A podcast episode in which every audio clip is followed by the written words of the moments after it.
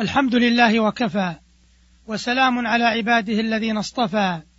وبعد فسلام الله عليكم ورحمته وبركاته. أيها المستمعون الكرام ومن اللطائف في باب التوبة قول بعض السلف كل من عصى الله فهو جاهل وكل من أطاعه فهو عالم. وقد أخذت هذه المقولة من قوله تعالى إنما التوبة على الله للذين يعملون السوء بجهالة ثم يتوبون من قريب. فأولئك يتوب الله عليهم وكان الله عليما حكيما. فإن كل من عصى الله فهو جاهل وكل من أطاعه فهو عالم. وبيان ذلك من وجهين. أحدهما أن من كان عالما بالله تعالى وعظمته وكبريائه وجلاله فإنه يهابه ويخشاه فلا يقع منه مع استحضار ذلك عصيانه. كما قال بعضهم لو تفكر الناس في عظمة الله تعالى ما عصوه. وقال آخر كفى بخشية الله علما وكفى بالاغترار به جهلا. والثاني أن من آثر المعصية على الطاعة فإنما حمله على ذلك جهله وظنه أنها تنفعه عاجلا باستعجال لذتها. وإن كان عنده إيمان فهو, فهو يرجو التخلص من سوء عاقبتها والتوبة في آخر عمره. وهذا جهل محض فإنه تعجل الإثم والخزي. وفاته عز التقوى وثوابها ولذة الطاعة وبركاتها. وقد يتمكن من التوبة بعد ذلك وقد يعاجله الموت بغتة فهو كجائع أكل طعاما مسموما لدفع جوعه الحاضر ورجى أن يتخلص من ضرره بشرب الدواء بعده وهذا لا يفعله إلا جاهل. كيف وقد قال تعالى في حق الذين يؤثرون السحر ويتعلمون ما يضرهم ولا ينفعهم ولقد علموا لمن اشتراه ما له في الآخرة من خلاق ولبئس ما شروا به أنفسهم لو كانوا يعلمون. ولو أنهم آمنوا واتقوا لمثوبة من عند الله خير لو كانوا يعلمون. والمراد أنهم آثروا السحر على التقوى والإيمان. والمراد أنهم آثروا السحر والتقوى على الإيمان لما رجوا فيه من منافع الدنيا المعجلة مع علمهم أنهم يفوتهم بذلك ثواب الآخرة. وهذا جهل منهم فإنهم لو علموا لآثروا الإيمان والتقوى على ما عداهما فكانوا يحرزون أجر الآخرة ويأمنون عقابها ويتعجلون عز التقوى في الدنيا وربما وصلوا إلى ما يأملونه أو إلى خير منه وأنفع فإن أكثر ما يطلب بالسحر قضاء حوائج محرمة أو مكروهة عند الله عز وجل.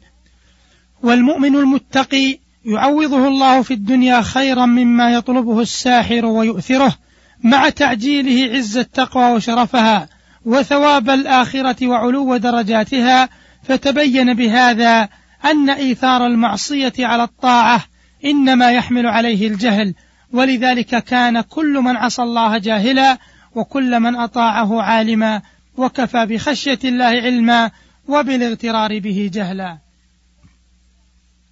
ومن اللطائف في باب التوبة. أن من أخفى خبيئة ألبسه الله ثوبها. وهذه مسألة عظيمة.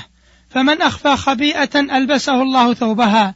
ومن أضمر شيئا أظهره الله عليه سواء كان ذلك خيرا أو شرا. فالجزاء من جنس العمل ومن يعمل سوءا يجزى به. قال ابن الجوزي رحمه الله نظرت في الأدلة على الحق سبحانه وتعالى فوجدتها أكثر من الرمل ورأيت من أعجبها أن الإنسان قد يخفي ما لا يرضاه الله عز وجل فيظهره الله سبحانه عليه ولو بعد حين وينطق الألسنة به وإن لم يشاهده الناس وربما أوقع صاحبه في آفة يفضحه بها بين الخلق فيكون جوابا لكل ما أخفى من الذنوب وذلك ليعلم الناس أن هنالك من يجازي على الزلل ولا ينفع من قدره وقدرته حجاب ولا استتار. ولا يضاع لديه عمل. وكذلك يخفي الإنسان الطاعة فتظهر عليه ويتحدث الناس بها وبأكثر منها حتى إنهم لا يعرفون له ذنبا ولا يذكرونه إلا بالمحاسن ليعلم أن هنالك ربا لا يضيع عمل عامل لديه. ثم قال رحمه الله وإن قلوب الناس لتعرف حال الشخص وتحبه أو تأباه وتذمه أو تمدحه وفق ما يتحقق بينه وبين الله تعالى فإنه يكفيه كل هم ويدفع عنه كل شر. وما أصلح عبد ما بينه وبين الخلق دون أن ينظر إلى الحق إلا انعكس مقصوده وعاد حامده ذاما. وقال رحمه الله إن للخلوة تأثيرات تبين في الجلوة. كم من مؤمن بالله عز وجل يحترمه عند الخلوات فيترك ما يشتهي حذرا من عقابه أو رجاء لثوابه أو إجلالا له.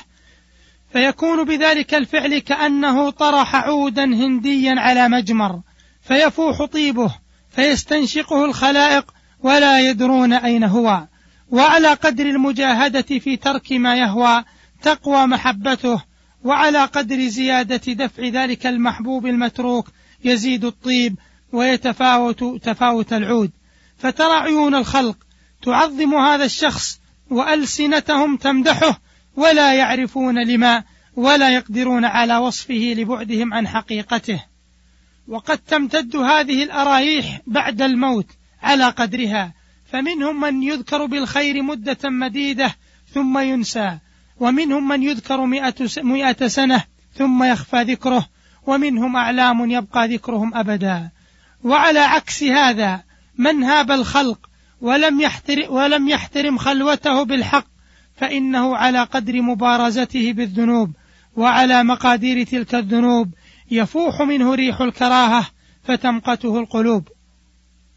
فإن قل مقدار ما جنى قل ذكر الألسن له بالخير وبقي مجرد تعظيمه وإن كثر كان قصار الأمر سكوت الناس عليه حتى لا يمدحونه ولا يذمونه. ورب خال بذنب كان سبب وقوعه في هوة شقوة في عيش الدنيا والآخرة. وكأنه قيل له ابق بما آثرت فيبقى أبدا في التخبيط. فانظروا إخواني إلى المعاصي أثرت وعثرت. قال أبو الدرداء رضي الله عنه إن العبد ليخلو بمعصية الله تعالى. فيلقي الله بغضه في قلوب المؤمنين من حيث لا يشعر. قال ابن الجوزي رحمه الله فتلمحوا ما سطرته. واعرفوا ما ذكرته ولا تهملوا خلواتكم ولا سرائركم فإن الأعمال بالنية والجزاء على مقدار الإخلاص.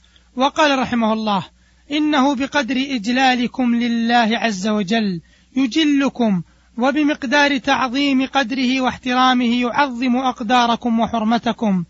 ولقد رأيت والله من أنفق عمره في العلم إلى أن كبرت سنه ثم تعدى الحدود فهان عند الخلق وكانوا لا يلتفتون إليه مع غزارة علمه وقوة مجاهدته. ولقد رأيت من كان يراقب الله عز وجل في صبوته مع قصوره بالإضافة إلى ذلك العالم فعظم الله قدره في القلوب حتى علقته ووصفته بما يزيد على ما فيه من الخير.